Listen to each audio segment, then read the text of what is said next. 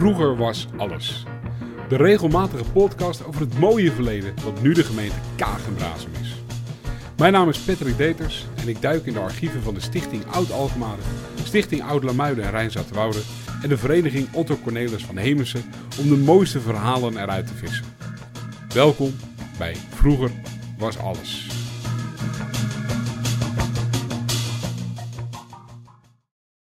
Post.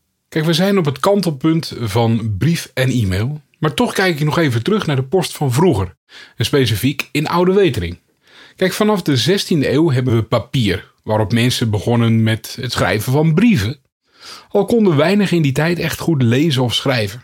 Er was ook nog geen post. Kijk, als ik een brief had geschreven en ik wilde dat die ergens aankwam, dan gaf ik hem mee aan een handelaar of een reiziger die die kant op ging. Maar ja, al kwam daarmee niet altijd alles aan. Dus mensen die het zich konden veroorloven, namen een bode die de post voor hen naar de bestemming bracht. Sterker nog, toen de handel toenam, waren er speciale bodes die de post op bepaalde routes heen en weer gingen brengen. En toen het eind 1600 echt een enorme vlucht nam, waren er bodes die, zo, die het zo goed hadden dat ze daarmee hun eigen bodes aannamen. Bodenlopers die voor hen liepen. En de bodes zelf werden dan postmeesters. En een postmeester was een belangrijk beroep wat van vader op zoon overgaat. Het is ook niet te doen om overal een brief af te leveren. Dus wat je ziet gebeuren is dat er in dorpen en wijken ontstaan er zogenaamde brievengaarders. En mensen die de post, eh, alle brieven verzamelen en dat dan weer meegeven aan briefbestellers en postbodes in de regio. En die brengen dan de brieven vervolgens bij de mensen. Kijk, uiteindelijk is het stadhouder Willem IV die officieel de rechten krijgt om de post te vervoeren halverwege de 18e eeuw. En hij besluit om in 1799 de post te nationaliseren. Oude Wetering. Oude Wetering is bij, bij, bij, bij uitstek een handelsplaats. Hier kwamen verschillende handelsroutes bij elkaar. En we kregen hier in 1759 voor het eerst een brievengaarder aangesteld de beheerder van het hulp postkantoor, zou ik maar zeggen. En dat was echt Bertus van Groningen. En hij en zijn zonen wisten dat 80 jaar vol te houden. En de laatste van Groningen neemt de functie over, terwijl hij zelf nog maar minderjarig is. Maar ja, het werd wel overgenomen en, uiteindelijk wordt hij ook volwassen. En in 1861 wordt hij benoemd tot brievengaarder met een beloning van 350 gulden per jaar. Uiteindelijk neemt in 1875 Dirk Prosman de functie over. En hij doet het lange tijd, 28 jaar, doet hij het werk tot hij zelf 72 jaar oud is. Kijk, en de burgerij is zo blij met het werk dat hij doet, dat hij eigenlijk een jaar lang 45 gulden per drie maanden overgemaakt krijgt bovenop zijn pensioen. Nou, vervolgens is er dan een jaartje een tussenpauze in de vorm van M. Mur, maar die, die vertrekt naar een jaartje naar Alsmeer. En in 1904 verschijnt er een advertentie voor een brievengader. Die is vrijgesteld van bezorging voor een jaarwedde van 575 gulden. Kijk, er zijn dan twee postbodes die eigenlijk de brieven bezorgen. Uiteindelijk is het J. van Heek die benoemd wordt als beheerder. En hij doet dat werk tot 1930. Vanuit de Kerkstraat 38 ja, de huidige woning van Koos Colijn. Rond de eeuwwisseling komt er een hele nieuwe techniek in Nederland, de telefoon. In 1880 vinden in Amsterdam grote proeven plaats met de telefonie. En in 1881 ontstaat de Nederlandse Bel Maatschappij. En een telefoon, dat, zeg ik bewust, dat is, dat is tele en dan P-H-O-O-N. Uh, het zal telefoon zijn, maar als ik het zo lees, telefoon. Nee hoor. Dus de Nederlandse Bel telefoonmaatschappij met 49 aansluitingen. Ja, en dat aantal dat neemt natuurlijk heel snel toe. In Oude Wetering komt er in 1915 een hulptelegraaf en telefoonkantoor. Wat in verbinding staat met Hoofddorp.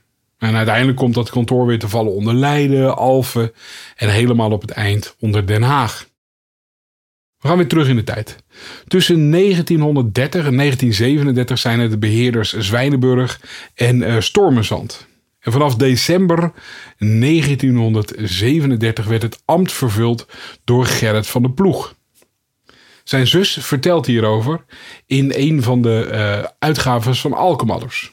Hij werd uh, stationhouder van het post, telegraaf en telefoonstation met telegrambestellingen aan de Kerkstraat 40 in Oude Wetering, waar hij ook ging wonen.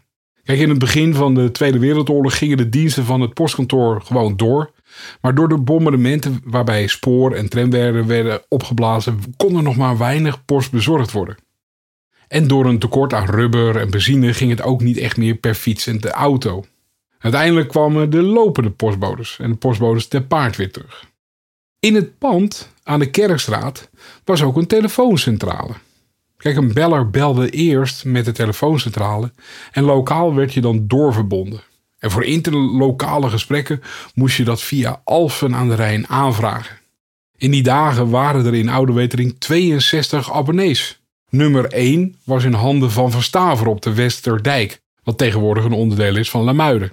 Nummer 2 was Garage Ileburg, die toen een fietsenmaker en een garage was. Ja, en de bediende van de telefooncentrale kon in die tijd ook meeluisteren. Maar volgens de zus van Gerrit is dat maar één keer per ongeluk gebeurd. In dat pand aan de Kerkstraat was er ook een kluis aanwezig. Want ook de brievengaarder was verantwoordelijk voor de afhandeling van de zaken voor de postcheck en de girodienst. Kijk, ze begonnen s ochtends vroeg. Hè. Iedere dag om zes uur kwam de post aan. En postbode Horsman kwam om zeven uur de post sorteren en ging hem daarna rondbrengen. Uiteindelijk waren er ook dingen die erop gehaald moeten worden. De posten restanten. En die werden betaald, afgehaald op het kantoor. En dat kon in die tijd al heel uh, vooruitstrevend zeven dagen in de week. Kijk, Gerrit van de Ploeg blijft tot 1953. En daarna wordt hij opgevolgd door PM Cornat.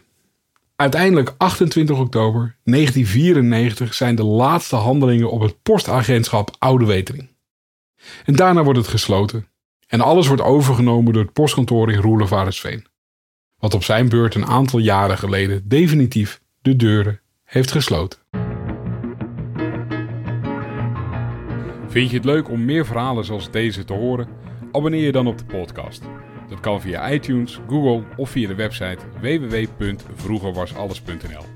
Op die laatste website vind je ook links naar de historische stichtingen en vereniging en alles wat je nog meer zou willen weten over de live voorstellingen. Wil je de podcast helpen? Word dan lid van een van de historische stichtingen of vereniging, want daarmee zorgen zij dat deze mooie geschiedenis blijft bestaan. Graag tot de volgende. Vroeger was alles.